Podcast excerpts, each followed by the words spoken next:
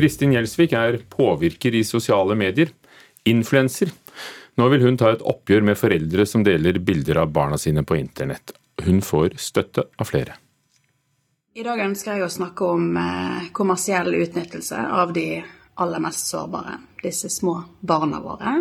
Det åpnet Kristin Gjelsvik innlegget sitt på Instagram med. Nå ønsker hun å sette søkelyset på hvor skadelig det kan være for barn å være høyt eksponert i sosiale medier. Det kan være viktig å ta en liten fot i bakken og reflektere litt over det man deler, og hvilke eh, konsekvenser en sånn deling faktisk kan ha. Altså det handler rett og slett om at alle barn har rett til privatliv. Direktør for barns rettigheter i UNICEF Norge, Kristin Odmeier, deler synspunktene til Gjelsvik. At barn eksponeres i et så stort omfang som de gjør, bekymrer henne. En undersøkelse vi gjorde for litt over et år siden, viser at uh, foreldre i snitt legger ut over 1000 eh, bilder av barna sine på internett før de er 12 år gamle. Og Det er klart at eh, det sier noe om omfanget, og det er også med på å kunne gjøre mange barn sårbare. Gjelsviks Instagram-video har fått flere kjente profiler til å hive seg på debatten.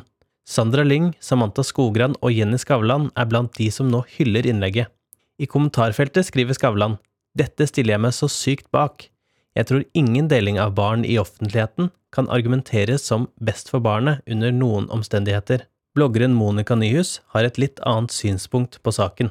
Jeg tenker at Det å ha en skepsis til noe som enda er et ganske sånn nytt fenomen, det tror jeg bare er sunt. Grunnen til at vi legger ut bilder av våre barn i sosiale medier, er jo for å inspirere og engasjere. Altså, det er det som vekker følelser, det er det som får oss gjerne til å smile, grine og le. Og jeg tror i dagens samfunn at vi trenger et familiefokus. Um, og istedenfor å tenke at vi skal viske vekk barna fra sosiale medier, så tenker jeg at vi heller må finne verktøy for hvordan vi kan dele på en trygg og god måte. Gjelsvik har selv eksponert sønnen i sosiale medier tidligere. Det angrer hun nå på. Et lite babybilde kunne jo ikke skade. Det var gjerne sånn jeg tenkte. Men så var det det ene bildet som gjerne førte til to. Og så har det vært litt utlevering av informasjon, og man er så stolt, og man glemmer kanskje litt i øyeblikket å tenke over hvorfor man faktisk velger å dele dette her. Den delingen som jeg så gjerne på som uskyldig i starten, den ser jeg nå på som ikke er fullt så uskyldig likevel. Så det er jo deilig òg at man kan faktisk reflektere over det, eh, endre mening, og da lande på noe som føles enda bedre. I hvert fall for oss. Nyhus sier debatten handler om mer enn om man skal dele bilder eller ikke.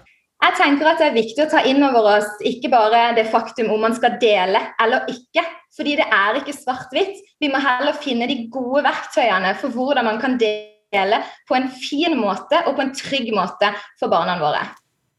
Reporter var Jonathan Gåthaug Nilsen, og Ida Yasin Andersen hadde også vært med å lage reportasjen. Vi har med oss Hans Marius Kjessem fra tjenesten Slett med NO. God morgen. God morgen. Det er jo ikke bare påvirkere som legger ut bilder av barn eh, i sosiale medier. Det gjør mange helt vanlige voksne også. Eh, og det kan altså skape problemer for barn f.eks. For når foreldrene er skilt. Hvordan da? Ja, Det er kanskje noen av de styggere sakene vi ser. Eh, hvor man kanskje får seg en ny kjæreste, og så deler man da bilder av den nye kjæresten sin sammen med barna i, i kall det koselige situasjoner. Da. Og, og da blir jo måte, barna et våpen i en i en konflikt. Og det er jo ikke heldig for barna. Og så er det besteforeldrene. Eh, vi har hørt om de før også, vi har snakket om dette en del ganger. De kan være litt løse kanoner når det gjelder å legge ut bilder. Hvordan eh, skal man vite hva som ikke bør legges ut? Altså Det kan man jo ikke alltid vite. Eh, det er jo de mest opplagte bildene, skjønner man om ikke skal legge ut, men, men, barna må spørres. Eh, fordi man kan ikke alltid skjønne hvorfor barnet, eller hvorfor man ikke vil at bildet skal deles. Eh, vi har jo eksempler på barn som eh, sier at vi kan ikke reise til besteforeldrene våre usminka, for de tas bilder av oss hele tida og det legges rett ut på nettet. Og så syns barna det er vanskelig å, å si fra til besteforeldrene sine. Vi ser Mange barn har et annet forhold til besteforeldrene sine enn det har til foreldrene sine. Med foreldre så er det lettere å si ifra enn det kanskje er til besteforeldre. Hva, hva, hva sier barn om, eh, om, hva de tenker at disse bildene kan bli brukt til? Altså, mange av de bildene vi, vi, ser er jo på en måte med våre øyne uskyldige. Men eh, det, det, vi har sett eksempler på, er jo at spesielt sårbare barn at de bildene da finnes av f.eks. mobbere. Eh, og så brukes de i en eller annen sammenheng som gjør at de brukes mot barna. og Da havner jo barna i en eh, veldig vond situasjon. Hvis et bilde blir publisert og barnet eller ungdommen eh, vil ha det bort, hvor lett er det å slette det? Ja, altså For det første så syns jeg at vi eh, foreldre og voksne må være litt på tilbudssida. Eh, og på en måte hjelpe og på en måte fortelle barna at det her er mulig.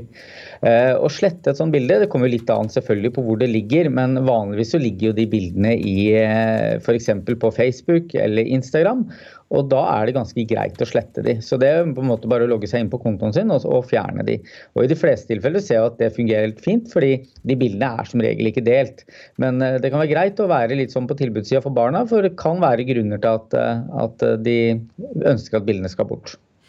Hva med sånne lukkede familiegrupper som mange har etter hvert, er det lov å være litt mer personlig der? Ja, altså jeg tenker Vi skal jo ikke være helt eh, svart-hvitt firkanta. Eh, det fins masse gode sikkerhetsinnstillinger som vi kan gjøre på de verktøyene vi bruker, slik at bildene da bare deles, kanskje i familien eller, eller en engere krets. Uh, og, og, da syns jeg jo at, eh, at, eh, det er jo altså Da deles ikke bildet på samme måte. Så jeg syns vi ikke skal bli helt paranoide heller. Eh, så, så, vi på en måte ikke mister gleden vi kan ha da, av, av, sosiale medier. Ja, hva, hva, er de gledene? Ja, altså det er jo, Mange av oss bor jo spredt rundt omkring i landet. og Det å da opprettholde litt sånn daglig eh, aktivitet, altså se hva som skjer i livet til hverandre, er jo sosiale medier helt ypperlig å bruke til. Altså det å dele bilder med nær familie er også hyggelig, og kan også gjøre at man holder en eh, fin kontakt. Takk for at du ja. var med, Hans Marius eh, Tessem fra tjenesten Slett meg.no. Nå er det klart hvem som får penger til å sette opp kunst i lokalsamfunnene. Koro, organisasjonen Kunst i offentlig rom står Koro for, har delt ut 16,6 millioner kroner. Kulturreporter Marianne Rustad Karlsen, hvem får lage kunst for disse pengene? Det er 78 prosjekter som har fått penger, og flere av prosjektene er inspirert av at vi nå har funnet nye møteplasser fordi vi ikke kan samles innendørs. Så mange er også utendørs. Og det å skape nye møteplasser har man også lagt vekt på når man har gitt penger. F.eks. så har en lyttegamme på Fløyen i Bergen og en utendørs skulpturbiennal fått støtte. Lyttegamme, du.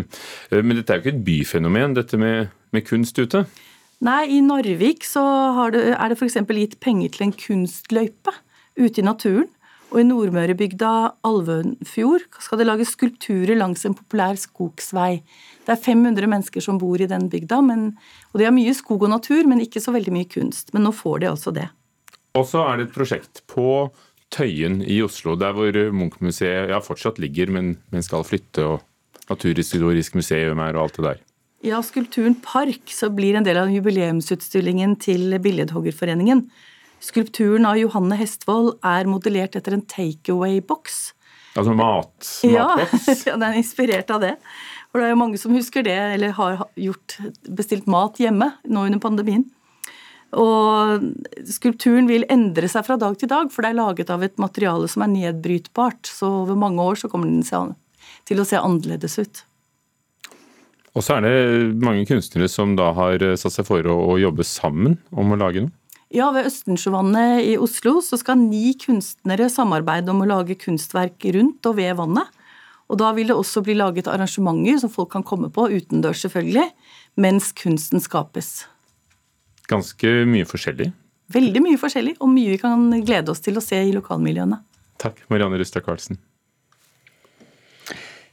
Enda en eh, kinofilm eh, har blitt kjøpt opp av Netflix. Den heter Love and Monsters, den vi skal snakke om nå. 'Kjærlighet og monstre'. Og eh, den er morsom, ifølge NRKs filmkritiker Birger Vestemo.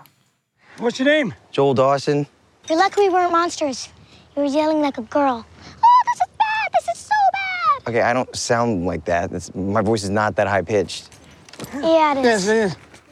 Paramount-filmen Love and Monsters skulle egentlig ha gått på kino, og det er tydelig i både skala og uttrykk at den er ment for store lerret og lydanlegg. Nå kommer den isteden på Netflix, og det er verdt å gi den en sjanse, sjøl om det må bli fra sofakroken. Sympatiske Dylan O'Brien fra The Maze Runner-filmene befinner seg i nok et actionfylt og apokalyptisk eventyr, bare letter, lyser og mer underholdningsdrevet. Historien har riktignok flere alvorstunge hendelser og mørke baktepper, men den sørafrikanske regissøren Michael Matthews sørger for at hans Hollywood-debut har en lett humoristisk tone som letter dommedagsfølelsen. Love and Monsters er ikke nyskapende, men er en morsom monsterapokalypse med effektive effekter, sjarmerende hovedfigurer og solide spenningssekvenser. So, uh, what happened with your uh, colony, man? They kick you out? No, I actually left on my own. Something I had to do. You stole food, didn't you? He's a food stealer. Yeah, No, I didn't steal any food. right. Joel, spilt av Dylan O'Brien, lever i en bunker under bakken sammen med andre overlevende, sju år etter at samfunnet gikk i oppløsning, da kjemisk avfall muterte all kaldblodige dyr til store monstre. Nå bestemmer han seg for å dra vestover til kysten, der kjæresten Amy, spilt av Jessica Henwick, befinner seg. Problemet er at det vil ta minst sju dager å gå dit, og at veien er full av monstre i ulike former og størrelser som vil spise han, men han får opplæring i overlevelse av tøffe Clyde, spilt av Michael Rooker, og lille Minnow, spilt av Ariana Greenblatt. One, two, three, four, and.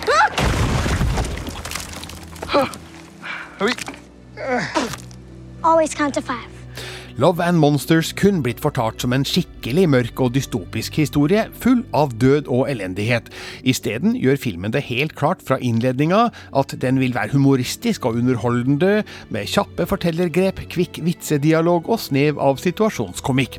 Dylan O'Brien er et godt valg som frontfigur, for sjøl om han er kjent for den mørkere The Maze Runner-trilogien, har han en behagelig fremtoning og en avslappa spillestil som demper historiens iboende kullsorte fatalisme. Love and Monsters avsluttes på en måte som åpner for muligheten for en eller flere oppfølgere, og den er god nok til å fortjene det, men det spørs om ideen overlever det faktum at pandemien stoppa filmens tiltenkte liv på kino. Yes! See? Bullseye! Terningkast fire. Love and Monsters ble anbefalt og anmeldt av Birger Vestmo. Du finner filmen på Netflix, og flere anmeldelser finner du på nrk.no anmeldelser.